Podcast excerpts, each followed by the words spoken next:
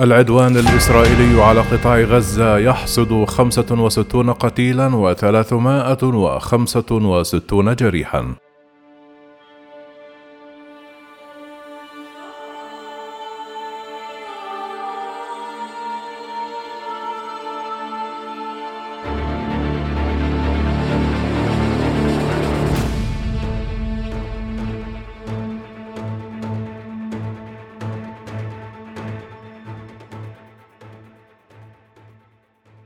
أكدت مصادر طبية فلسطينية ليلة الأربعاء سقوط 65 قتيلا من بينهم 16 طفلا وخمسة سيدات ومسن وإصابة 365 فلسطينيا بجراح مختلفة من جراء عدوان الاحتلال الإسرائيلي على قطاع غزة.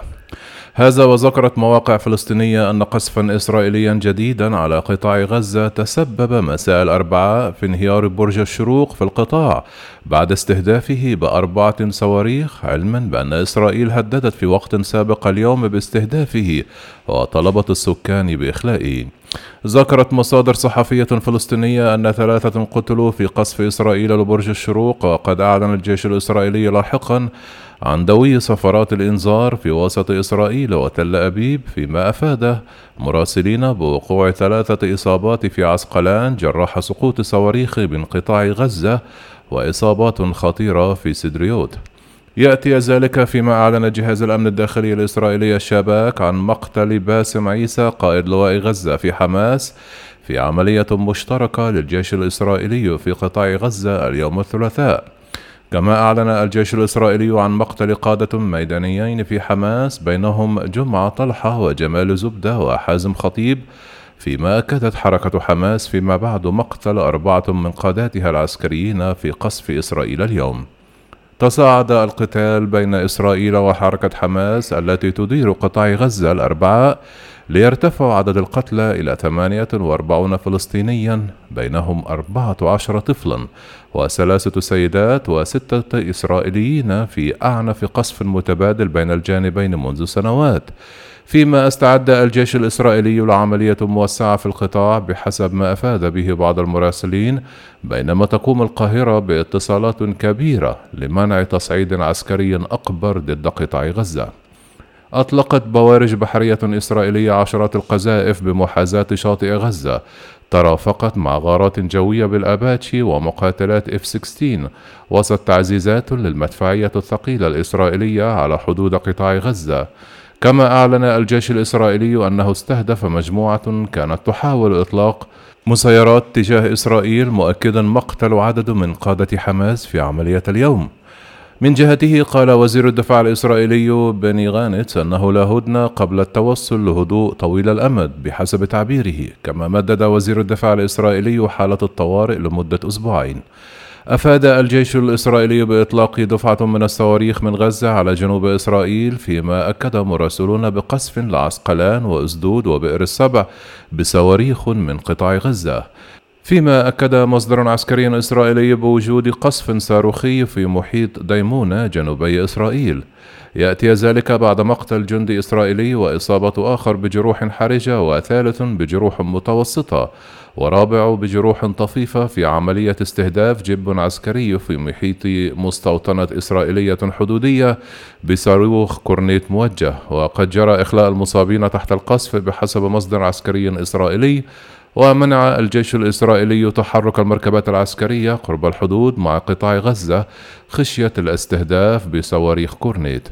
تزامنا أعلن الجيش الإسرائيلي مقتل رئيس جهاز أمن المخابرات العسكرية في حماس فيما استهدف الطيران الإسرائيلي. منزل القيادي في حركة حماس صلاح دهمان كما سقط عدد من القتلى والجرحى بقصف إسرائيلي على سيارة شمال بيت لاهيا ودراجة نارية شرق خان يونس. كما أعلنت حركة الجهاد مقتل ثلاثة من القادة وحدة العمل الصاروخي في القصف على قطاع غزة. كما أكد الجيش الإسرائيلي مقتل قيادين بارزين في حماس خلال غاراته على قطاع غزة فيما ذكرت الشرطة الإسرائيلية أن القصف الصاروخي من غزة أسفر عن مقتل شخصين إضافيين. هذا وطلب الجيش الإسرائيلي من سكان المستوطنات الحدودية مع قطاع غزة حتى بعد أربعة كيلومترات البقاء في الملاجئ والمناطق المحصنة. صباح الأربعاء أفاد مراسلون بوقوع هجوم صاروخي إسرائيلي مكثف استهدف مقرات شرطية وحكومية في قطاع غزة. كما أفاد الناطق باسم وزارة الداخلية في غزة إياد البزم بقيام الطائرات الإسرائيلية. بشن غارات متتالية أسفرت عن تدمير جميع مباني مقر قيادات الشرطة في قطاع غزة. فيما أعلن الجيش الإسرائيلي مقتل رئيس جهاز أمن المخابرات العسكرية في حماس. كما ذكر موقع إكسيوس أن مسؤولين أمريكيون يعملون مع القاهرة لخفض التصعيد في قطاع غزة. يأتي ذلك فيما أعلنت الشرطة الإسرائيلية أن رجلا وفتاة قتلا في مدينة لد الإسرائيلية أثناء وجودهما داخل سيارة أصابها صاروخ أطلق من قطاع غزة وبذلك يرتفع إلى خمسة قتلى في إسرائيل جراء القصف الصاروخي الذي تشنه منذ مساء الاثنين مجموعات مسلحة انطلاقا من قطاع غزة. مصادر إسرائيلية أفادت بأن أكثر من ألف صاروخ أطلقت من قطاع غزة منذ بداية التوتر فيما أعلن الإعلام الإسرائيلي أن تل أبيب رفضت مقترحا قدمته الأمم المتحدة لوقف إطلاق النيران. ودوت سفارات الإنذار في تل أبيب في ساعة مبكرة من صباح اليوم الأربعاء وسط أعنف قتال بين إسرائيل والنشطاء الفلسطينيين في غزة منذ سنوات.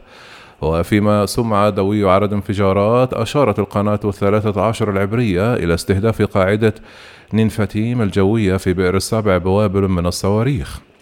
الرشقة الصاروخية الجديدة من غزة على إسرائيل جاءت بعد قيام طائرات إسرائيلية بتدمير برج الجوهر السكني وسط مدينة غزة ويقطن في البرج أكثر من 160 أسرة فلسطينية.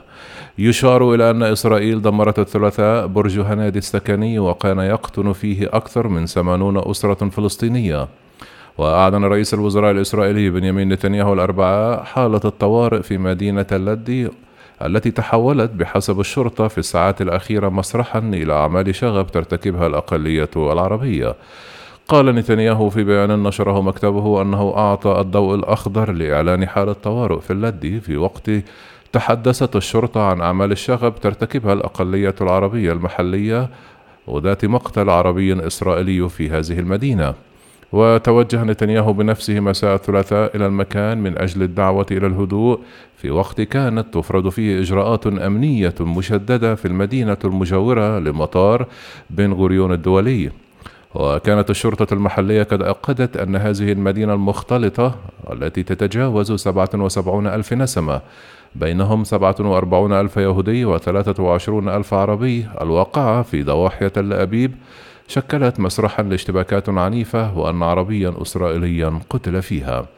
مساء الثلاثاء بينما خرجت تظاهرات عدة في القدس الشرقية والضفة الغربية وكذلك في مدن عربية إسرائيلية. تدهور الوضع في مدينة اللدو بحسب الشرطة الإسرائيلية. قالت الشرطة في بيان أن أعمال شغب واسعة النطاق اندلعت بسبب بعض السكان العرب وهو ما عرض السكان الآخرين للخطر وأضافت إلى أن النار أضرمت في سيارات وأن أضرارا لحقت بممتلكات. ولدعم الشرطة المحلية نشرت الحكومة وحدات من شرطة الحدود متمركزة في الضفة الغربية المحتلة من جهتها. أفادت وسائل إعلام إسرائيلية بأن نيرانا أضرمت في ثلاثة معابد يهودية ومتاجر عدة في اللد. قالت الشرطة الإسرائيلية ليلا أن 16 فرقة من شرطة الحدود انتشرت في المنطقة للتعامل مع العنف. هذا ويعد أعنف قصف متبادل بين إسرائيل وحماس منذ حرب عام 2014 في قطاع غزة مما أثار قلقا دوليا من أن يخرج الوضع عن السيطرة. تصاعد العنف أيضا في الضفة الغربية المحتلة وأعلنت وزارة الصحة الفلسطينية مقتل فلسطينيين برصاص الجيش الإسرائيلي في الضفة الغربية.